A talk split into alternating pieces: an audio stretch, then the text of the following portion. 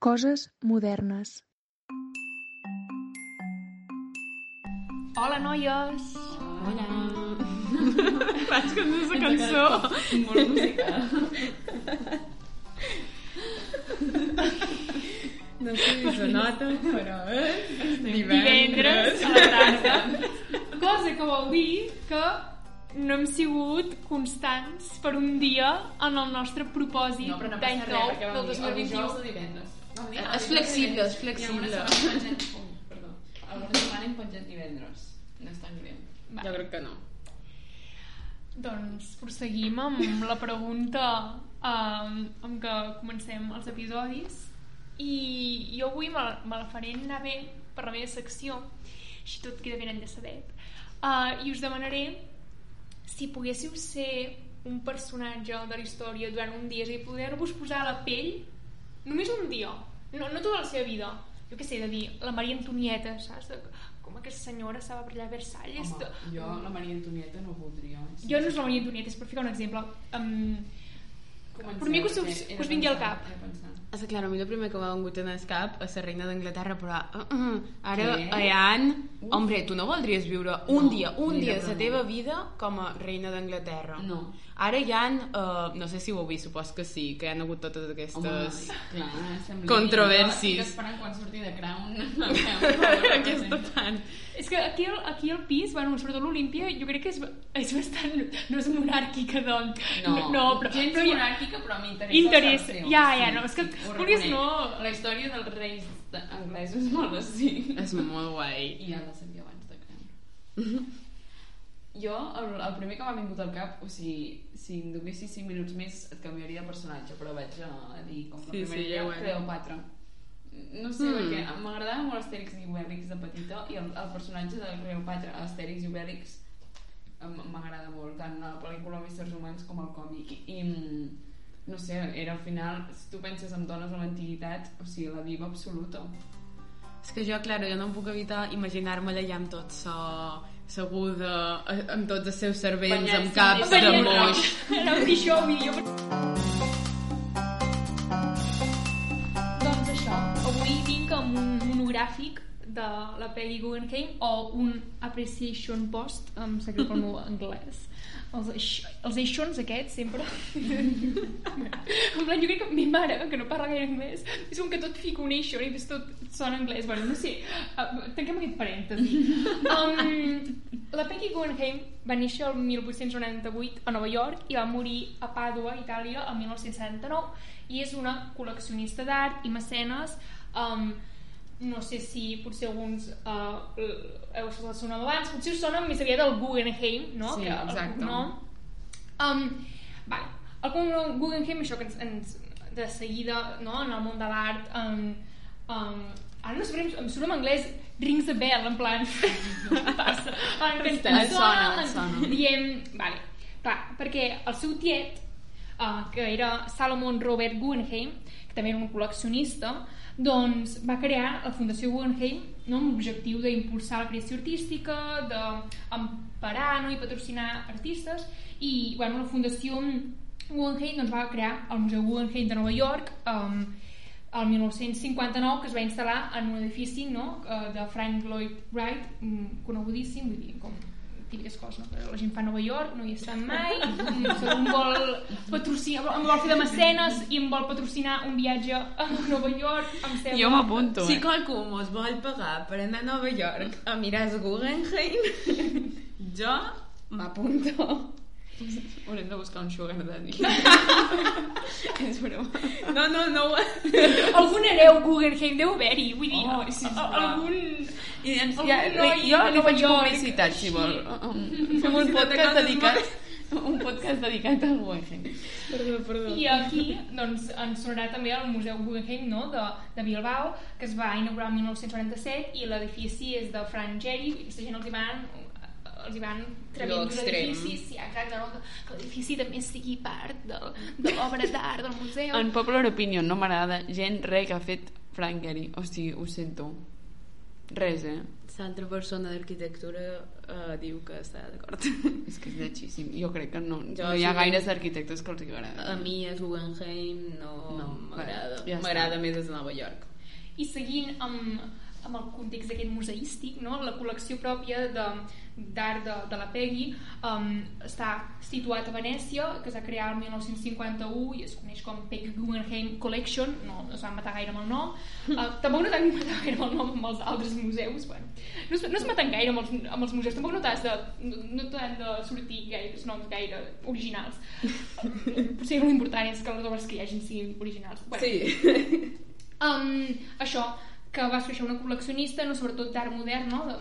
dir, d'art de finals del segle XIX fins als anys 70 aproximadament, i aquesta senyora, bàsicament, és una bad bitch. Vull dir, una fem fatal, una um, badass... I només busques fotografies seves i la veus allà amb unes arracades mm, com molt extravagants, unes ulleres, un posat... Vull dir, aquesta, aquesta senyora... Mm, a més, m'imposa. Vull dir que em, a mi em crea com, com molta curiositat i, i com, no sé, és com és un personatge no sé, potser en certa manera també potser com l'enveja, perquè es movia amb uns cercles, bueno, aquest, vull dir tenia com molts, feia, tenia moltes amistats no, amb artistes. Tenia moltíssim de contactes Exacte, amb avantguardistes tothom. també nombrosos amants Um, bueno, si volem podem fer un repàs per, per les seves conquestes, com diuen les males llengües. Um, es va casar segones noces. El concepte de segones noces sempre m'ha flipat. Amb Max Ernst, que és un pintor, Oh, però també pel pinganillo a mi em diuen que, que, que va estar embolicada amb, amb Samuel Beckett, l'escriptor, amb Pollock... eh, uau, però una cosa, quin historial aquesta Sí, dona. sí, quin historial. Els que passaven pel seu llit tenien garantit l'èxit. Um, És que s'hauria de fer un estudi de mem si tots els homes que han passat per el seu llit han tingut èxit i si ja tenien aquest èxit van de passar per el seu llit, Clar, no? és que segur que el secret és ell. Segur. Segurament.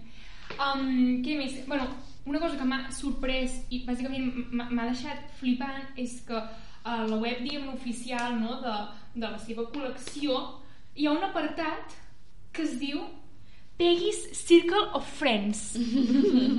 I clar, després mires qui- quin és aquest Circle of Friends i de cop veus uns noms, bueno, mira, John Cage, Truman Capote, um, James Joyce, um, Beckett, bueno, uh, flipant, aquest senyor, els seus contactes. Bueno, mm. tornant amb, amb la seva família, no? Vull dir, al final va créixer no? en una, en una família adinerada, uh, jueva, no? Uh, vull dir, com els seus... Um, com es diu? Antepassados. Ah, an, antes, no. Bueno, Antecedents. que van no? emigrar el- els seus com avis i besavis van emigrar a Europa no? de, de, des d'Europa fins als Estats Units no? al segle XIX i van fer fortuna coses, coses que es feien no? uh, quan sí, al segle XIX als Estats Units la gent feia fortuna. Um, no, i una família bueno, al final això el seu tiet tenim que és el fundador de, de la Fundació Guggenheim doncs, on la cultura jugava un paper doncs, realment important. Així com a fun fact no, de, de, dato curioso el seu pare va morir al Titanic. Oh, Um, no. sí, sí, però també per, per, per entendre de quin calibre no, de família estem, estem parlant i vull dir, eh, sempre m'ha com apassionat molt el Titanic quan he sabut això m'ha com, uah, i a més a més, clar, hem de, va morir aquest senyor i ella va rebre una, una petita herència Res. que li va permetre, no, doncs... eh, Continuar doncs, amb el que ja s'ha fet la seva família. Exacte. Bueno, és, és una tia um, que al final va escapar no, una miqueta com de la vida no, de dones um, de classe alta d'aquella època, no, que potser el que s'esperava no era com que, que fossin mestresses de casa, no, que es dediquessin això, a dirigir una llar, a dedicar-se no, a la família, als fills, no? I que Bueno, el que segur que no volien és que tinguessis amants en el teu llit i te casassis més d'una vegada i... Bé, Doncs, bueno, fins aquí una miqueta el que tenia preparat. Amb aquesta senyora tinc ganes uh, de, de buscar mm, més. Bueno, no sé si a vosaltres us passa, però jo és com una dona... Saps allò quan no tens res a fer i comença a procrastinar? Doncs jo procrastino mirant el, coses de la Peggy Guggenheim. Bueno, i vas, vas estirant d'un fil i de cop trobes això... I que son pare va morir en el Titanic. Sí, sí, sí, sí. Bueno, no sé, ara com ara estic mirant aquí els meus apunts que m'he fet, re, acabo, doncs al final la tia doncs, va, va com comissariar exposicions no, de- d'artistes com Brancusi, de Calder, de Henry Moore, de Magritte... Um, bueno, això al final, aquesta senyora, vull dir, que, que, que era una senyora amb, amb molts privilegis, òbviament, no? per, per, bueno, perquè al final doncs, la seva família tenien molts calés, però que al final va, és com que decideix invertir, jo la manera com va invertir els calés, doncs, no sé, respecte, perquè va ser com dirigir-los no? i enfocar-los Sí, que- a, a promoure, a poder com emparar artistes, um, Que això, això podríem parlar un dia, perquè al final hi ha moltes galeries que són o museus molt rellevants que són fundacions privades de, de gent que ha decidit destinar Invertir els seus els diners i, i, i obrir-les al públic que Hombre, a mi això, a part de que tu tens el renom, de que tens totes aquestes obres d'art que al final estan en el teu nom, que imagino que en alguns casos deu ser una part important, al final també ho estàs obrint a, a que el públic gaudeix, bueno, és que pugui gaudir si no ho d'aquest pots art. compartir al final a no ser que tinguis com una casa de 50.000 pisos tampoc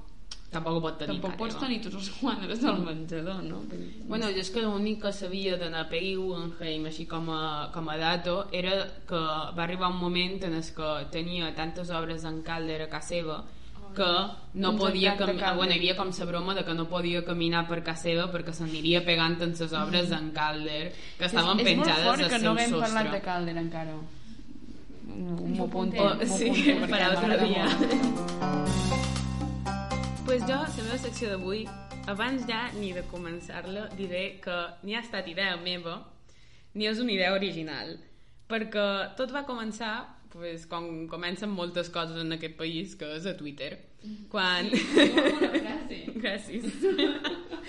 Quan um, una lota que s'anom Isabel, o Noctuidart, a, a Twitter, va penjar, and I quote, per al pròxim podcast podeu parlar de l'arquitectura que apareix als videoclips de Fet Tangana, i me va etiquetar a Twitter. I jo vaig pensar, uau, quina bona idea, és que, pff, amazing, o sigui, perfecte, tinc secció per la pròxima vegada, estava preparant una d'en- Bofill, però vaig pensar, no, no, no, Perquè no. hem parlat de lo bo que és el disc d'en Tangana. no s'ha xerrat i és molt bo, molt, molt bo. La Bruna amb cara de que no saber de què estem parlant. No l'has escoltat? deures avui. a la ja. Crec que qualcú no m'ha escoltat, de ser No, que vull dir que a mi- sí que he escoltat cançons de Tangana, vull dir que, que l'escolto, eh? Però aquest últim disc no... te l'has de posar en bucle. Sí, és que és... tothom l'està escoltant, dic, no, no. Seré especial i alternatiu. pues, claro, jo vaig pensar, beníssim, però si no el mateix dia, el dia següent, un professor de projectes mos va enviar un correu recomanant-nos un vídeo d'un exalumne de CETSAP que- d'un canal de YouTube que se diu Deconstruyendo el Cine, que no n'havia fet un, havia fet dos vídeos xerrant sobre en Tangana i l'arquitectura dels seus videoclips. Molt bons vídeos, eh? Molt bons vídeos. No puc recomanar lo suficient en aquest tio, perquè a més, després, mirant el seu canal de YouTube, vaig descobrir que és que tenim, bueno, les seccions que havia fet sobre arquitectura i cine, que era la de Hogwarts i la de Mamma Mia, ell de Hogwarts també la tenia feta, i no només això, sinó que té moltes, bueno, és de lo que va al seu canal, que és l'arquitectura que se troba a les pel·lícules, i són molt bons vídeos. I ens encanta la divulgació arquitectònica a internet. Exacte. Petit bif. Bueno. Um, I no només això, sinó que a més jo igualment estava superint, ja havia començat a fer recerca d'aquest tema aquell mateix dia, però després fent la recerca que vaig trobar, que una persona que ja m'ha esmentat també més d'una vegada en el podcast, la Núria Moliner, també havia xerrat sobre Zetangana i l'arquitectura de seus, de seus videoclips. O sigui, el resum de tot això és que no sóc gens original, però m'és igual perquè ja havia començat a fer tota la recerca dels videoclips, per tant, igualment, mm, hi ha la secció que hi ha.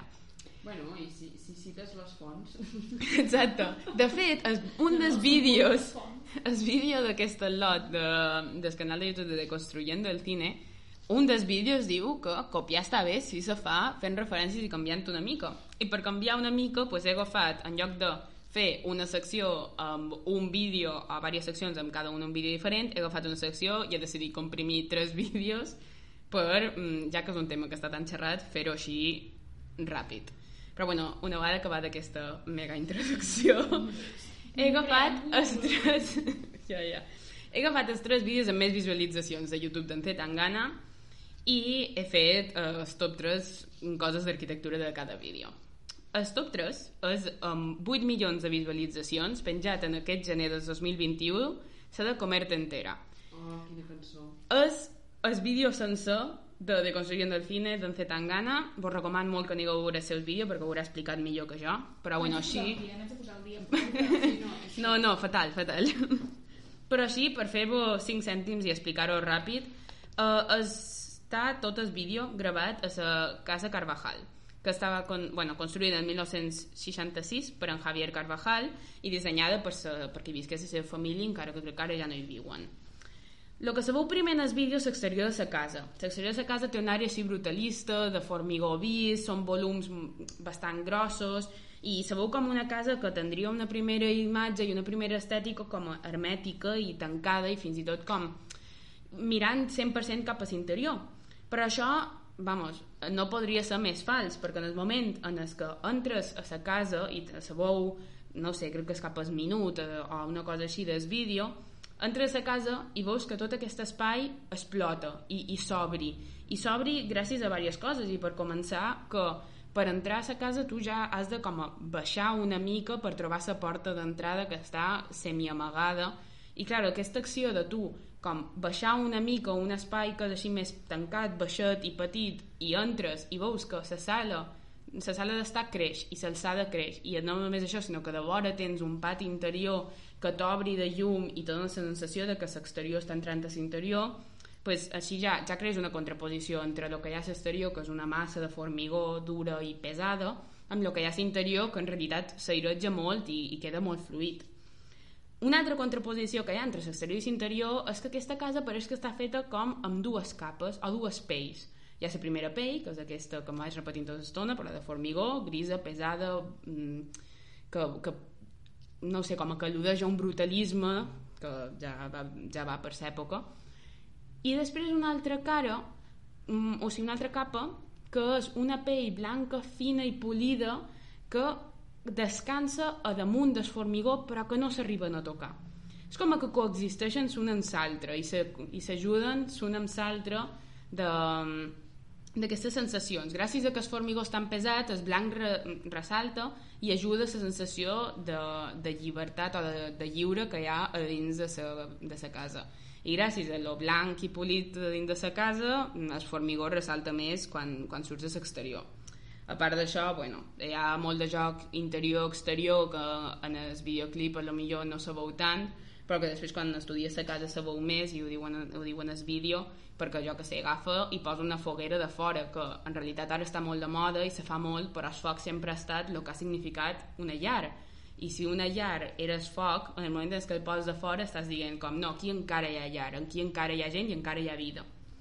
Però bueno, aquest era el primer vídeo es... Que per cert, en fet va així com un collar blau marí, rotllo... Soc el tipus de persona que viu en aquest tipus de cases, no? que després veus en realitat qui vivia a casa i penses, ah, no, millor no. però, però sí, sí. Bueno, es que en Zetangana és un moderno mmm, que poco se habla, però bueno. Els top dos vídeos amb millors visualitzacions de YouTube d'en Zetangana, al manco en els moments en els que estem gravant això, és Demasiadas Mujeres, amb 20 milions de visualitzacions i penjat a l'octubre del 2020. Això és més una curiositat que realment un anàlisi arquitectònic i també ho comenta en el vídeo, crec que és el mateix vídeo en el que comenta de Comerta Entera. Però en es, eh, ja en el minut, un minut i onze, una cosa així, eh, se veu com una iglesia. De fet, és, és iglesia en el que ell s'està confessant tota l'estona. És part de, és part de la història. Però tu veus i és una iglesia molt fosca, molt tancada, de formigó, recordaria eh, iglesis que, vàrem explicar, que va explicar Ana Bruna eh, una secció fa una o dues setmanes, sí. iglesis brutalistes, i tu t'hi fixes i, i en realitat bueno, Little Spain, que és la productora que fa, fa fer feina, si no tots, a quasi tots els, els vídeos d'en Zetangana, que tenen una estètica impecable, preciosa i espectacular, um, estaven cercant un iglesi d'aquest aspecte brutalista i s'havien fixat en les iglesis d'en Fisac, que ja tenen aquest aspecte. Però es segueix sent un edifici sagrat en el que no els hi feia ni un pot de gràcia que gravassin, per lo tant, en lloc de gravar una iglesia van gravar en els passadissos dels vestuaris del Madrid Arena. Mm -hmm. O sigui, és fort la cosa, però bueno, ho decoren i ho fan per això 100% una iglesia. I després, per el vídeo amb més visualitzacions de Zetangana, és el vídeo de Tu me dejaste de querer, amb 90 milions de visualitzacions i penjat en novembre del 2020. Aquest vídeo no he vist gent xerrar del tema, però tant, is my time to shine. O sigui, venc aquí a mullar-vos, vamos, així com speedrun de les referències que he trobat en aquest vídeo, que no sé si sí que s'han comentat, crec que aquestes sí, en el segon 15 surt la piscina de l'hotel amb en Zetangana ja tombat i se creu que se fa referència a la pel·lícula Sexy Beast del 2002 d'en Glazer. Uh, en el segon 35 se veu una escena d'aeroport on ella està com una d'aquestes cintes mecàniques i se creu que se fa referència a Jackie Brown que és la pel·lícula del 97 d'en Tarantino. I en el 1 minut 38 segons surt en tot el seu esplendor l'edifici de l'hotel del vídeo que és l'edifici Espanya que si sou fans de Nater sabreu que és el vídeo en què ella fa la seva, el seu treball de final de grau um, que és el passadís aquell per, per la Kim Kardashian i és una fantasia. L'edifici en si se considera neobarroc segons Wikipedia. Va ser construït entre el 48 i el 53 allà us lo dejo per en Julián Otamendi a mi és un edifici que és molt gros, és molt brutal, però no me dona suficient, uh, suficient motivació perquè sigui la xitxa d'aquest vídeo. Per jo la xitxa d'aquest vídeo és una cosa que podria trobar-se completament anecdòtica, que és que en el segon 4 del vídeo surt la matrenta de Madrid tota buida per el confinament i allà de vora a l'esquerra se veuen uns edificis, uns edificis molt grossos, tal. Pues aquests edificis són uns edificis que se diuen La Colmena, també coneguts com La Conce, del, per el barri de la Concepción i són uns edificis, bueno, un complex d'habitatges amb 8.000 habitatges on se resideixen entre 20.000 i 22.000 persones. I aquí és on ve la curiositat, que és que se van construir els anys 50 per l'arquitecte José Banús i se suposava que havien de rellotjar un poblat de xaboles que se deia La Ventilla. Però, però, plot twist, sabeu qui és en José Benús? En José Benús és l'arquitecte del Valle de los Caídos. Oh, wow. O sigui, eres arquitecte de, por excel·lència d'en Franco. I què passa quan és, quan és un arquitecte del feixisme? Que aquests habitatges, que en teoria havien de ser per persones que s'havien quedat sense sostre o persones que estaven visquent en situació precària, van acabar sent ocupats per persones amb molt de dobbers i que s'havien fet molt rics per al règim. I han acabat sent, com passen a sent molt d'aquests edificis per vivenda social, al final gentrificats i són un punt ara molt modern i on hi viuen fotògrafs, artistes i com ara mos agrada dir als meus amics, bobos. Com? Bobos. És el concepte francès de bourgeois, bourgeois, a lo sí, que sigui. Sí, sí, sí, sí. I en realitat aquests edificis ho he cercat i no responen a cap moviment arquitectònic. Recorda una mica en la casa bloc, però són més massissos, però no arriben a ser... És això. I, bueno, són més massissos, però no acaben de ser brutalistes. El que sí que responen, i aquesta és la següent curiositat d'avui, responen a, a una forma urbanística que, te, que tendeixen aquest tipus d'habitatges, que és a créixer molt en alçada, però no horitzontalment. I això fa que entre edificis hi ha un gran espai buit de, de circulació, passatges, que se suposa que haurien de crear comunitat, però al final queden totalment buits. Una mica el que vam parlar de Sant Gervasi. No? Sí, i de fet em varen xerrar també ahir a una visita que varen fer sí. amb la universitat i era el mateix concepte eh, de les cases que hi ha no sé com se diuen a les afores de Terrassa sí, bueno, un barri com que van urbanitzar de nou sí, sí, sí i és, és això, o sigui, és un concepte que passa molt en urbanisme que és que per, com hi ha una tan alta densitat que se considera que s'ha de deixar molt d'espai entre, els, entre els habitatges que és totalment cert el que passa és que després d'aquest espai per on està situat el puesto i també aquests, aquests edificis de Madrid, com vos he dit, estan de vora M30, o sigui... Com crear comunitat. La gent va al centre a viure. Perquè hi ha un, hi ha un punt de, de, d'aleatori, no? De decidim relacionar-nos i perquè llavors, mm. clar, dins de l'arquitectura i l'urbanisme sempre s'intenta generar aquests espais de trobada per fer mm. la ciutat més amable, però hi ha un punt arbitrari del comportament humà que no arribem a controlar mai i és molt difícil saber si l'encertaràs mm. i a vegades coses molt més convencionals acaben funcionant molt bé i projectes com superpensats i basats en molts estudis no és que, bueno, és, és totalment això, que al final tu pots posar molt de mobiliari urbà i pots esforçar-te molt fent un projecte molt especial, però al final si la gent que viu ara allà, que no són tot moderns i, i pijos que han, han heredat allò dels seus pares que eren fans del règim. També hi ha gent que viu que realment hi van, hi van a viure gràcies a aquesta idea de, de salvar la gent que vivia a la ventilla. Però, però bueno, al final la gent va al centre i no utilitza aquell espai prou. Però bueno, també com a fun fact, aquest espai és on viu la protagonista de ¿Qué he hecho yo para merecer esto de Almodóvar?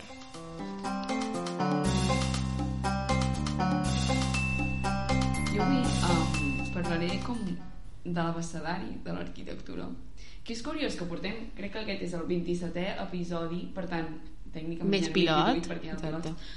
Um, I no hem parlat mai de quin és el llenguatge arquitectònic. Al final, si estiguéssim fent un podcast de música, hauríem de parlar algun moment de les partitures, de com ha evolucionat, com s'expressa la música, com s'escriu. Doncs amb l'arquitectura també hi ha un llenguatge que potser d'aparença és més universal, però t'has d'entrenar per entendre'l i és una de les coses que costa de, I per utilitzar-los. I aquest llenguatge és el dibuix que és un, és un llenguatge molt, molt internacional, ah, internacional, com molt transversal, vull dir que no serveix només per l'arquitectura, però, però sí que els projectes abans de, de fer-se o, o, o l'arquitectura s'estudia a base de dibuixar-la i,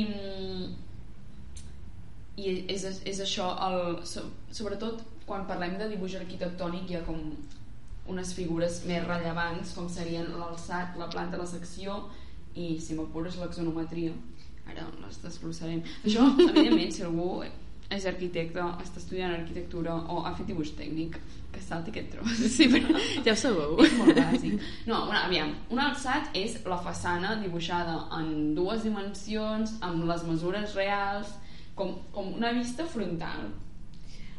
Una planta, tothom sap que és una planta, és que per mi És una secció arran de terra. Horitzontal, llavors per cada un de, dels pisos que explica com vist des de dalt què passa.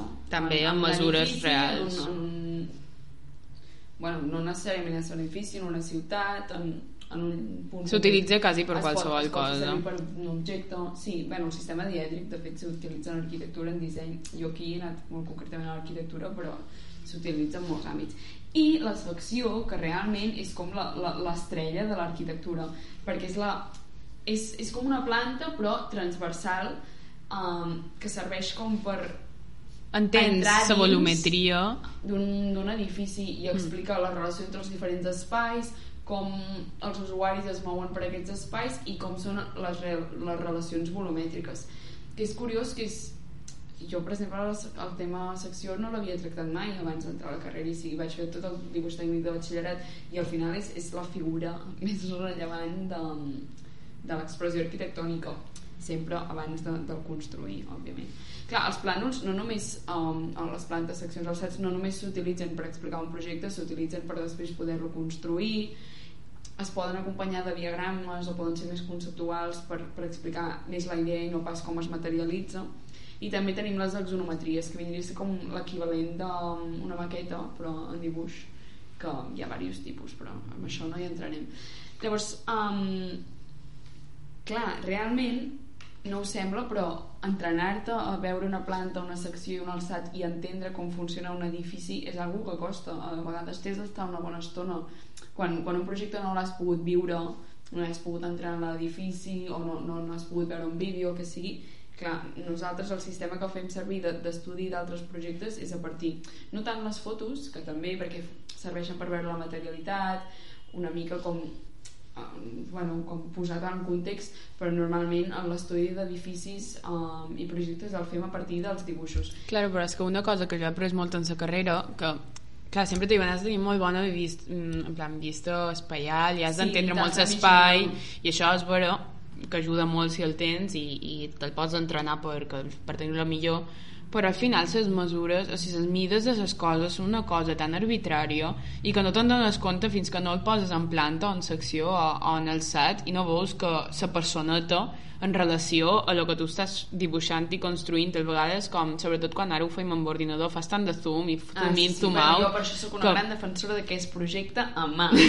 l'AutoCAD sí passa després.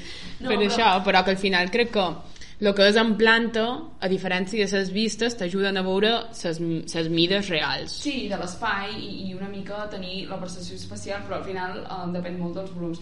Però que és algo com que sembla molt, molt lògic, no?, si els arquitectes treballen amb dibuixos i, ostres, no és una cosa tan evident, t'has d'acostumar a entendre com, com funciona un espai i, en, i és això que deies tu, has de desenvolupar com la capacitat d'imaginar-lo en, en tres dimensions. Tot i així, um, això estaríem parlant com dels dibuixos oficials que serveixen per explicar un projecte en la seva totalitat, però hi ha com esbossos i diagrames que potser no ens expliquen com la totalitat del projecte, però que serveixen per explicar alguns aspectes concrets i al llarg de la història n'hi ha hagut de molt rellevants que han canviat la història de l'arquitectura. D'això s'han escrit molts articles, de fet hi ha uns vídeos boníssims de la TER uh, que són una sèrie de tres vídeos un de tre, un, seccions imprescindibles de la història de l'arquitectura o que tots els arquitectes haurien de conèixer es diu alguna així un altre és perspectives imprescindibles i l'altre és diagrames imprescindibles que no està tan relacionat amb l'arquitectura però és molt interessant com realment si vols pots parametritzar qualsevol cosa i mm, jo parlaré o us donaré unes quantes referències sí que aquesta marxa com d'escoltar buscant a Google perquè... Bueno, com totes. Sí. Sincerament. um, dibuixos que han, que han canviat la història de l'arquitectura i que a més a més són preciosos perquè aquí som uns grans defensors de l'estètica i per tant no n'he posat cap que fos lleig um, i realment no són com dibuixos concrets sinó més aviat personatges que val la pena conèixer el, els diagrames i els esbossos dels seus projectes més enllà dels projectes en si que també són molt interessants uh, Giovanni Battista Piranesi era un arquitecte del segle XVIII i sobretot ha transcendit pel, pels més de 2.000 gravats que va fer tant de mm, monuments romans com alguns d'invencions seves i si, si mireu les imatges no sé si ho teniu davant Jo sí. són, són, bueno, és que són gravats preciosos que a més a més han servit per, per explicar n'hi ha de, de molt fantasiós no? el primer que surt són com així uns ponts aquest home es va dedicar a estudiar l'arquitectura clàssica i a partir d'aquí llavors ell va fer com, com va dibuixar ciutats imaginades diguem-ne però, però sí que ha servit de referent per molts arquitectes um, pel detall que contenen els seus, els seus gravats de com eren les ruïnes. Sobretot li, li, li anava molt el tema de les ruïnes i els edificis inacabats i, i ha servit molt com per extendre el coneixement de, de l'arquitectura clàssica més enllà de, del que havia sigut imperi romà o grec. Um, i, i, i ara Helena necessitaré la teva ajuda però crec que no em sortirà però uh, sempre donen una referència a, a història que és el primer que es va dedicar com a dibuixar en axonometria com eren el, els edificis típics de l'arquitectura clàssica els temples romans, grecs, Merda. com era un capitell ja, això ho posarem a Instagram perquè és que Ah. com que no sé com es diu aquest home porto com mitja hora buscant-ho i no ho he Jo trobat estiré fent recerca Però- mentre però- continues. Dale. Uh, continuarem amb el meu estimat Le Corbusier Surprise, surprise. Perdó. Però Le Corbusier, per ser un gran arquitecte, uh, vaig explicar un dia que era pintor també. Però bueno, el que té alguns dibuixos que són molt rellevants per, per com amb un diagrama... Ai, Helena, sí. I have it. És Nagus Chuazi. Ah, aquest home, sí, que es va dedicar... Um, Ho he trobat perquè sé que, recon, sé que reconeixia i sé que sé, supos que perquè també el vaig estudiar l'any passat per un treball d'història, és que té una de les exonometries més del Panteón més interessants perquè has vist des de baix i segons l'estructura i tal. Exacte, o sigui, ell va com fer un estudi molt concret de com a nivell constructiu s'explicaven alguns d'aquests edificis clàssics i és molt rellevant, vull dir, a part de que han esdevingut dibuixos um, essencials per, per l'estudi de l'arquitectura clàssica van servir també com a base per projectes posteriors i, i segueixen sent un referent perquè mai mai s'havia donat una explicació tan constructiva al perquè de les formes clàssiques. I al final el, el que ell defensa a partir d'aquestes axonometries és que no hi ha o sigui, l'ornamentació com a tal no existeix en l'arquitectura clàssica. Tot té una, una, Una raó de ser. una raó de ser i una raó funcional. Per molt que molts cops ens hem no, hem com, ens hem obsessionat amb, amb, la, amb la idea de, de que els grecs, per exemple, buscaven contínuament la bellesa en les seves obres i més enllà de la bellesa era també la, la funcionalitat i a vegades això es traduïa doncs, fer un capitell per donar més estabilitat a un pilar, per exemple també la, la Ter té vídeos molt bons explicant això jo no, no faré seccions d'estructures Llavors, no. tal com deia abans, uh, Le Corbusier, per exemple, un dels esquemes que té que, que a mi em flipen és, si busqueu uh, diagrama l'unité d'habitació de Marsella, no sé si us sortirà, um, però té com com uns esquemes que expliquen molt bé el, el projecte. No surt amb el dia, buscant diagrama, però bueno, a part del diagrama que té de, del Lemodolor bueno, és, és un dibuix super bonic on, on s'entén molt bé quina és la relació visual de l'edifici i de cada un dels habitatges amb l'exterior i com és també la relació visual a peu de terra respecte a l'edifici, perquè al final estem parlant d'un bloc de pisos immens que en canvi quan tu estàs, estàs a peu pla no el perceps com a tal i això és com perquè hi ha els pilotis que permeten com que hi hagi um, vistes de banda i banda. I, i amb, un, amb un dibuix super senzill explica molt bé aquesta idea. No, és que no sé si ara ho explicaràs i potser estic fent spoiler, però Le Corbusier també té diagrames molt guapos de la casa que li va fer sa mare, que ara no me'n record que se diu, um, uh, la Vildolac que són mateix crec que són semblants en els que tu estàs dient que és, és agafa els planos o sigui, fa un, fa un dibuix ràpid de no sé si és la planta o l'alçat i a part, ja dibuixa un ull i te mostra cap a on has de mirar i a partir d'allà després també fa com unes vistes ràpides o bueno, el que pareix que haurien de ser dibuixos ràpids i senzills Sí. de com és realment sí, aquell espai realment he posat aquest exemple però Le Corbusier treballa molt a partir de l'esquema i de les percepcions. Llavors, igual que són preciosos els seus quaderns de viatges on recull tots els dibuixos um, de, dels seus viatges pel Mediterrani sobretot i d'on agafa inspiració per les seves obres doncs tots els seus projectes també s'expliquen a partir d'esquemes i sketchos molt senzills.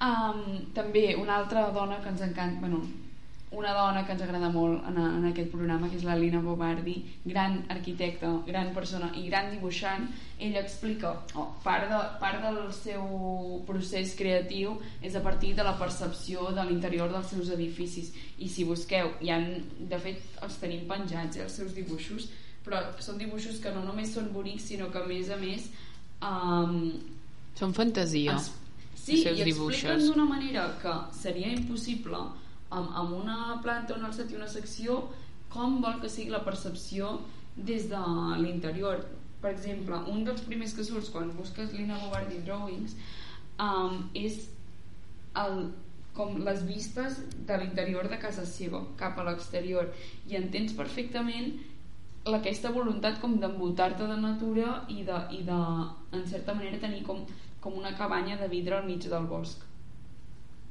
Vale, perdó, m'afanyo.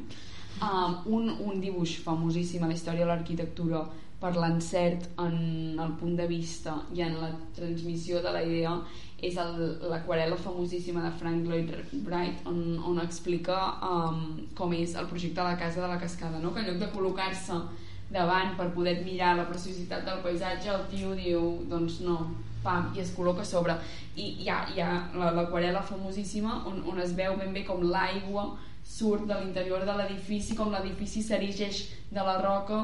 I és que realment vale, no s'explica com és l'interior però és que entens la idea del projecte um, en un segon i hi ha com la llegenda urbana que va fer el, dibuix, el dibuix en dues hores i que llavors tot el projecte va venir d'aquí. No sabem si és veritat però en tot cas és un dels millors dibuixos um, fets mai a la història de l'arquitectura. Vale, seguim.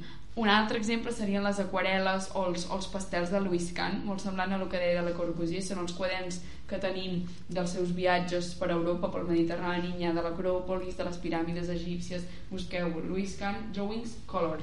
Sí, perquè a més és vera que són els que agafa colors també molt brillants, sí, colors molt... molt... brillants, que no es corresponen a la realitat, però que entens perfectament el joc entre la llum i l'ombra, que sensació. després és molt important a la seva obra. Exacte, les sensacions. Uh, he vist un tipus de dibuix que m'agrada molt, perquè sembla com que, que només expliquis la realitat a partir del dibuix si ets com el màxim de realista i ell s'entén perfectament al final són dibuixos esquemàtics no està com intentant-se ajustar 100% a la realitat però entens ben bé la sensibilitat que té cap a la llum i que després es pot veure a la seva obra són molt bonics i les aquarel·les que té també és que jo hi ha un llibre d'aquest home vale.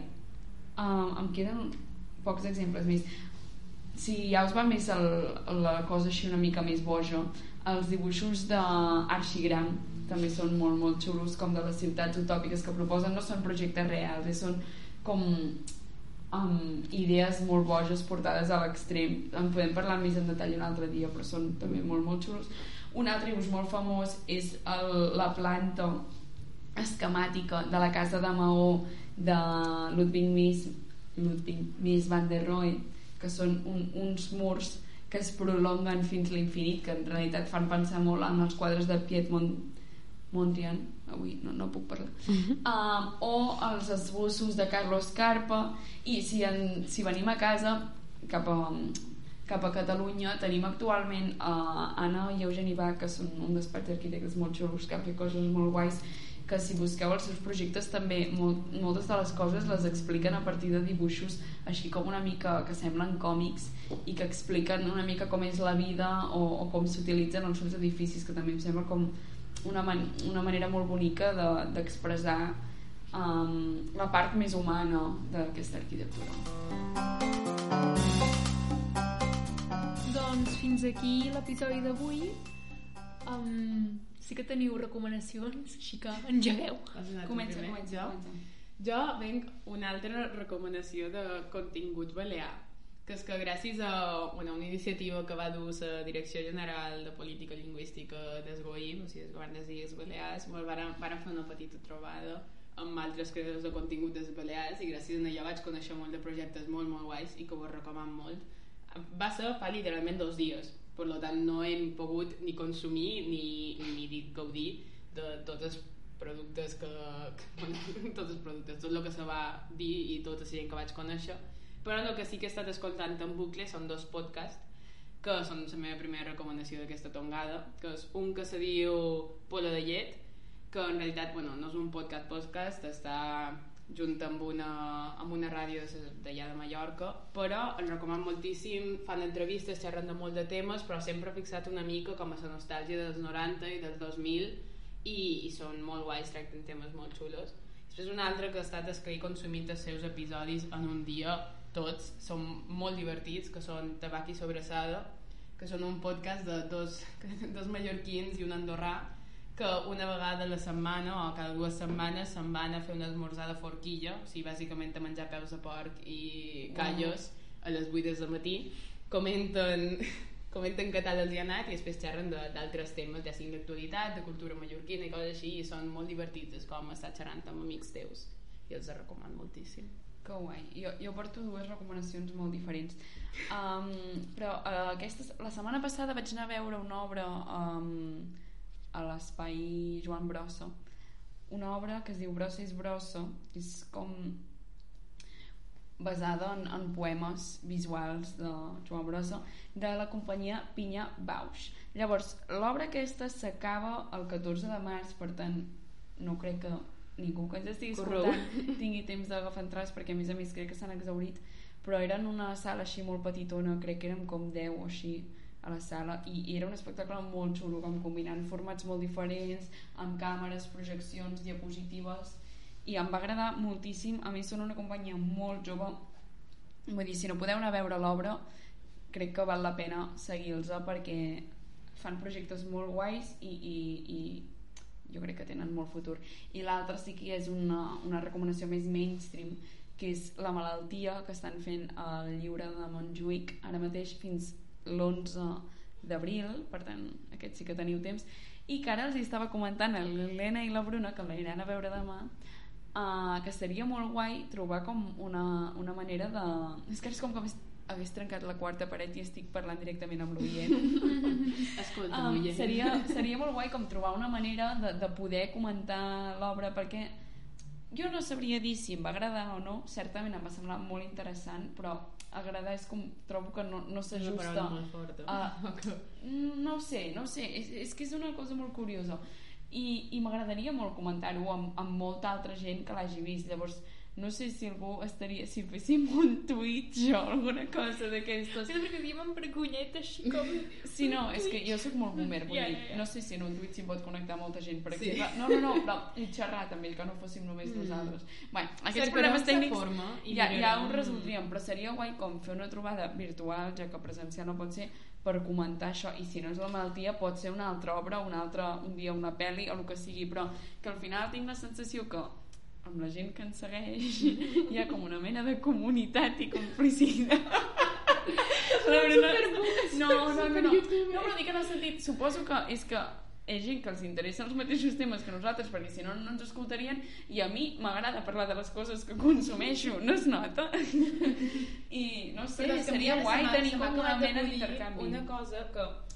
Bueno, és molt, un, bueno, molt underground. Ho vaig aprendre a tabac i sobrassades. Però que ara hi ha una cosa que és com un Twitch que es diu Clubhouse que és com un Twitch Ah, però sí. pots juntar gent el que passa és que t'han de convidar Sí, però no, no tenim aquest privilegi de sí que el tenim Ah. bueno, a lo millor no, a lo millor m'estic passant i estan escoltant des de tabac i sobrassades i pensant, tio, Els hi no podem sé qui ets però com Clar, tenen, i llavors tenen podríem passar-ho a tothom que es volgués Claro. unir al club de comentar obres de teatre.